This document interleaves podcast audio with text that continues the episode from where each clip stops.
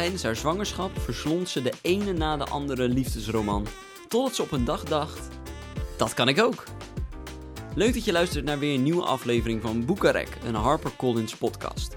Ik ben Sjors en in deze aflevering ga ik in gesprek met de vrouw die al meer dan 50 romans op haar naam heeft staan, waaronder de succesvolle serie Virgin River. Ik heb het hier over Robin Carr. Tijdens haar zwangerschap van haar eerste kind zat Robin Carr veel alleen thuis, want haar man werkte als militair. Ze vermaakte zich door verschillende feel-good romannetjes te lezen, totdat ze op een dag dacht: waarom probeer ik niet zelf iets te schrijven? In eerste instantie werd ze door iedereen voor gek verklaard, maar inmiddels zijn de romans van Robin Carr niet meer weg te denken uit alle bestsellerlijsten.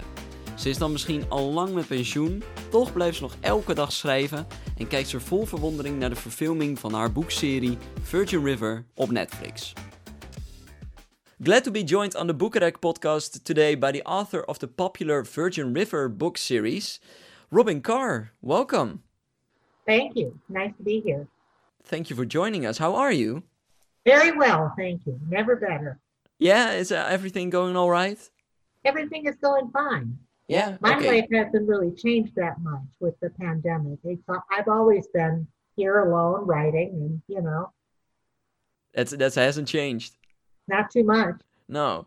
So this this crazy year, how uh, how has it been uh, where you live? How uh, how uh, how have all these things affected you? Well, it's not good here. The United States is not doing so well. I'm I'm embarrassed to say, um, and we're we're just not all rowing in the same direction. I think we could have been done with most of this problem uh, weeks ago, months ago, if we'd all just buttoned down and um, wore masks from the very beginning. Uh, uh, they're coming. We're coming around now. I don't. Um, my life is pretty much the same, but um, I'm working, writing. I only make small trips to the grocery store. I put my dogs in doggy daycare, so I have to go get them and pick them up, and and uh, so they can get exercise and play with their friends. So um, uh, that that's about my life in a nutshell. I'm I'm not missing the bars. I'm not missing restaurants. um, it'll be nice when it's all over to get together with my friends for lunch. That's always a pleasure. Yeah, but mostly it's uh, you're doing okay. I'm doing okay, yes, and my family is doing okay, and and that's a blessing because um, my son is a doctor and he's seeing patients, and my daughter is a police captain and she's working with the public, so they're pretty much at risk, I would Yeah. say, and being very careful. Um, so I I keep an eye on them, and then I I said to my granddaughters, I can't. They're ten and twelve. I can't wait to get my arms around you and just squeeze you. And they both rolled their eyes. so you haven't seen them in a while then? I see them at a fair distance, Okay, okay. So but you where they occupy themselves at least six feet away from me, and you know, yeah. not they're not longing to have their grandmother suffocate them with hugs. And No. no, but you, you would like to hug them again. I would. Yeah, I can understand. And uh, you said you you bring your dogs to a doggy daycare, and uh, how have you yourself been spending your days? Well, I'm I'm working, mostly working, and um, and getting my chores done, and that's it for me. It's pretty simple. Yeah, so so working, you you are writing then. I'm I'm always writing. Yeah. I usually start a new book the morning after I finish one. Oh wow, you're you're you're a workaholic maybe. Maybe, or, you know, it's just that as I'm finishing a book, I'm wondering if it's any good. And I, my brain is already moving on to the next book and how much better it could be, you know, and, and so I'm, I'm always anxious to get to the next project. So, but how, how does that work? That then you, you write a story or a part in a series, and then you think uh, midway you think, oh, this would be nice for my next book. Yeah, exactly. I get an idea for the next book and I start thinking about it while I'm finishing the book I'm at work on. And and I don't know why, but I'm never confident that it's good enough. And then after my editor reads it and starts to comment, and oh, I like this part, I love this part, and this was so clever. And then I start to think, oh, maybe it was good. I guess I, I guess I can take it. so, so you really you want to uh, keep writing because you think the next one will be better. I try. Yeah. Really try. I want every book to be better than the last. It doesn't always work out that way. Some are harder to write than others, and I don't know why. I really love those books that seem to just flow and write themselves. And I'm I don't get that many of those. But when I do, when I do, it's such a pleasure and such a joy. You know, it's it's great fun when everything falls into place. Yeah. And when the ideas just keep coming and coming. Yeah. Can you say you're a perfectionist then? I didn't think I was, but maybe I am. Yeah. and has your uh, writing routine been been a little bit different, or is it all just the same this year? It's really the same. I mean, honestly, the best way I can describe my life is I have an 11 year old car that has 18,000 miles on it. That's how much I don't leave the house. That's nice. It sounds really nice. It is really nice. And and how how is your how, how is your routine going? Is that you you uh, wake up early and then just start writing? I do. I get up very early. Now that I have dogs, they're about a year old, a brother and sister, golden retriever, and they're they're very active. And they wake up early in the morning and they want to go right outside, and I want them to go right outside. Yeah. And oh, so I get up when they start to stir and whimper and and uh, get get the dogs outside and get them breakfast. They're always starving, always starving. and um, I sit at my desk and watch them out the slider, and watch them run around. Do you do you like you like wa- walking with your dogs? Yeah, I do. But right now I'm in Las Vegas. It's 110 degrees. Oh yeah, no, that's a little bit too hot then. That's why they go to doggy daycare. Yeah. Because they can run and play and and the counselors throw balls for them and chase them around and they have a wonderful time. And yeah. they go every morning and then they sleep all afternoon. what a life. and that's my kind of dog. Well, yeah, yeah, I can understand. and uh, so you are writing a lot. Are you are you reading a lot as well? I'm reading a bit slowly I read every evening and I watch TV at the same time. I'm probably the only person in the world that loves commercials because during the commercial, I pick up my book and keep reading. Um, I've always got a book going, at least one, and uh, I'm, I'm, always writing one and I'm always reading one. So and that's my life, and uh, yeah. I think it's a perfect life. So there's always a story in your head, uh, maybe from from something you watch, and then from something you read, or something you come up with. Always, and I love it when I come up with a uh, something new, or when somebody else suggests something new. And I remember um, once somebody said to me, "I knew this woman who found out her husband had an affair years ago, but it lasted for five years." And I said, "Oh, can I write that?" She said, she'll never know. Go ahead. well, that's a nice way to get your ideas. No kidding, right? Yeah. But, but um, for people who don't know you, I want to get to know you a little bit better. Um, if I may, um, can you tell me where you're from originally? I'm originally from Minnesota, St. Paul, Minnesota. Okay, and what, what what has your childhood been like? My childhood was, I guess I could say, uneventful.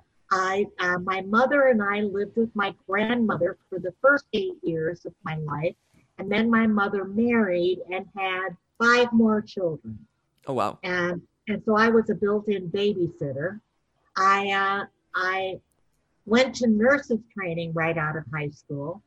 I married my high school sweetheart and was married for over 40 years when we divorced. I'm now a single woman, and uh, and I'm doing beautifully. I I think maybe I think maybe that was a good idea. I didn't think so at the time, but now I think so. To get divorced, you mean? Yeah. Yeah. Yeah, it must have been after 40 years. Must have been a difficult choice. It was a very difficult choice. Yeah, I can I can imagine. And uh, in your childhood, did you did you want to become a writer then? Never occurred to me. Okay. I wanted to be a nurse, and uh, I was not a real heavy reader as a child or in high school and college. Well, in college, I read mostly academic and and uh, nursing tech. um, and it didn't really it didn't really occur to me until as a young wife and mother, I was reading all the time, and I thought one day I with absolutely no reason, I thought, um, gosh, if it's fun to be kept awake reading a book because it's so good, what must it feel like to be writing one? And I, I got a notebook and a pen and arrogantly started writing a book like I knew what I was doing. And of course, I didn't.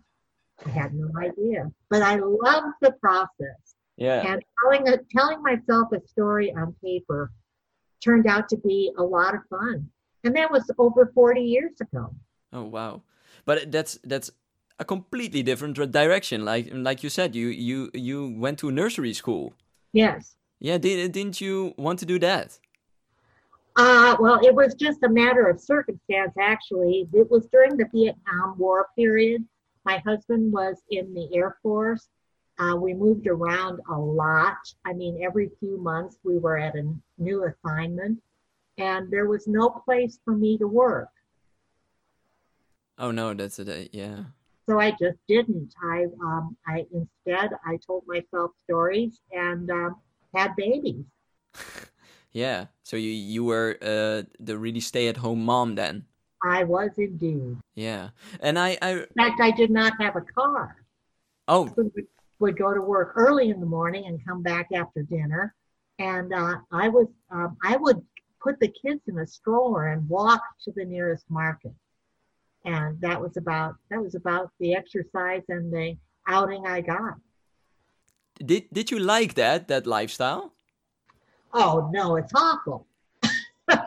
yeah, it's a it's not fun at all. But um, but I think that that's you know, I've always been the kind of person that could make the best of things, and I found something to do that did entertain me. I I started writing.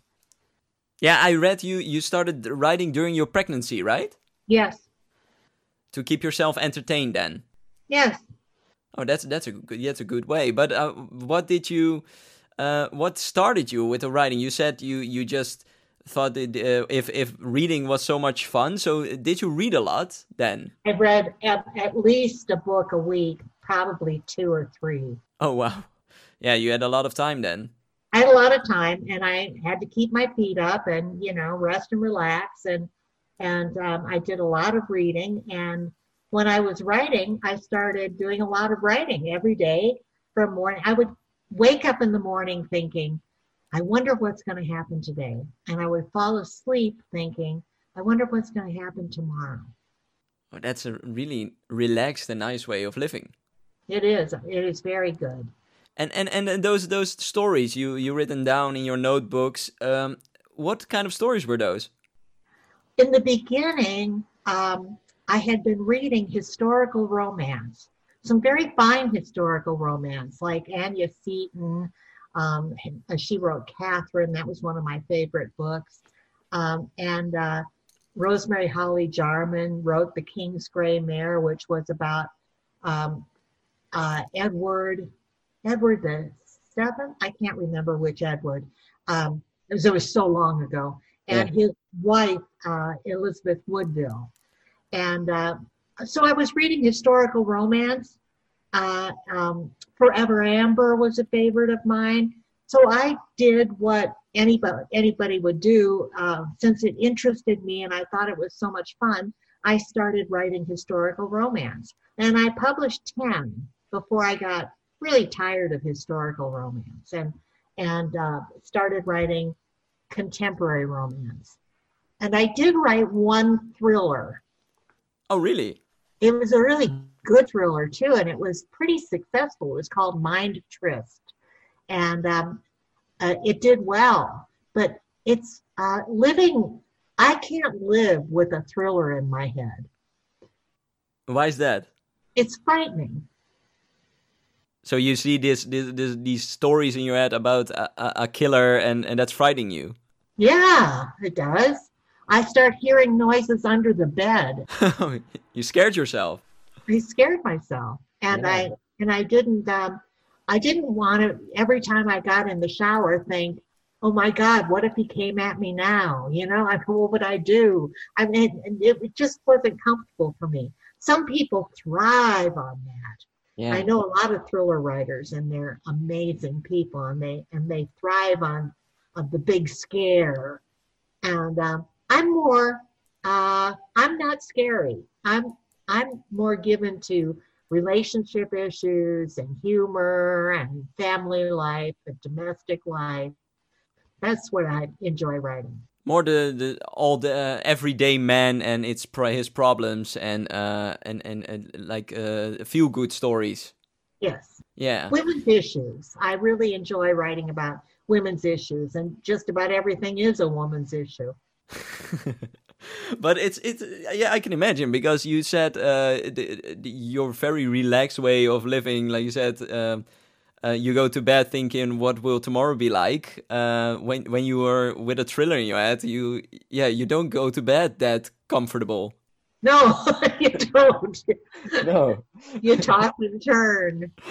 so so then you made a decision like from like I'm doing romance Yes, yeah and romance. Romance has always been um, fun for me to read and to write, whether it's historical or contemporary. It's uh, romance is optimistic. Romance is hopeful. Yeah. But you said you started this 40 years ago. You were uh, a stay at home mom. And how did people react when you started writing stories? Well, they couldn't believe it. I think my husband's first words were, um, "You're writing a what?" That's Who does that? Who does that? Who buys a, a notebook at the grocery store and starts writing a book? I mean, it was it was pretty insane. But that's that I did what I wanted to do and I found it was fun. And then I discovered uh, after a few years that I'm I'm pretty good at it. Yeah. Yeah. It, shows through all these years. But, but um, was it a big step for you to take yourself seriously as a writer and uh, get it published? It was hard to get published, and 40 years ago it was um, it was harder than it is now. Uh, it, uh, it seemed like you would have years. The stories I heard was that there were years of rejection before anybody um, made an offer on a book. I joined a writers group, uh, joined a critique group. Um, I surrounded myself with other people who were trying to write. I learned at a really fast pace. There's so much to learn. Now it's a lot easier. Not only can you find all the instruction you need online, but um, you can also publish your own book if you want to. Yeah, that's true. Yeah. Self-publishing has been around forever and ever, but back back in the day, it was um, it was expensive. You had to pay maybe ten thousand dollars, which forty years ago was like, could have been a hundred million dollars Yeah. and um, and and you would be delivered a, boxes of books that bookstores wouldn't take and libraries wouldn't take, and you ended up selling them out of the trunk of your car. It wasn't like it is now. Now you can. Um, I don't what I don't even know what it costs to put it up on Amazon. Not very much. No, no, it's it's really easy right now to get to get published, and then it doesn't mean you you be successful, but the whole publishing step is easier. Yes. Yeah, And then Um, being successful at it is yet, I believe, harder. I think that there's a glut in the market because um, a lot of people with very little skill or talent um, publish their books. And so it's hard to stand out in that marketplace. yeah, it's really hard to make a difference between uh, good reading and reading. That's right. yeah, but uh, over the years, you you have now uh, there have been uh, f- more than fifty books, um, novels published, which include twenty one parts of the Virgin River novels. Yes. if you look back at those all those books, uh, what was your proudest moment? Oh, I think, um, well, I had my first bestseller, my New York Times bestseller, after 30 books. Wow. After 30, no, not 30 books, 30 years. And, um, and I think it came in at number 32 on the New York Times extended list. And my first thought was, well, I can die a happy woman now. I finally had a bestseller after all these years. But little did I know, the Virgin River um, uh, series, especially, just took off like a rocket ship. And ironically, we were, it was 2008, we were also in, um, in an economic and cultural decline. Yeah you you you wouldn't think yeah you wouldn't think people would start uh, buying books. It's exact and it's exactly the opposite. Look at what this pandemic has done for book sales. I mean they're selling many more books than uh, than we would have anticipated. People people need to be uplifted. They need to distract themselves.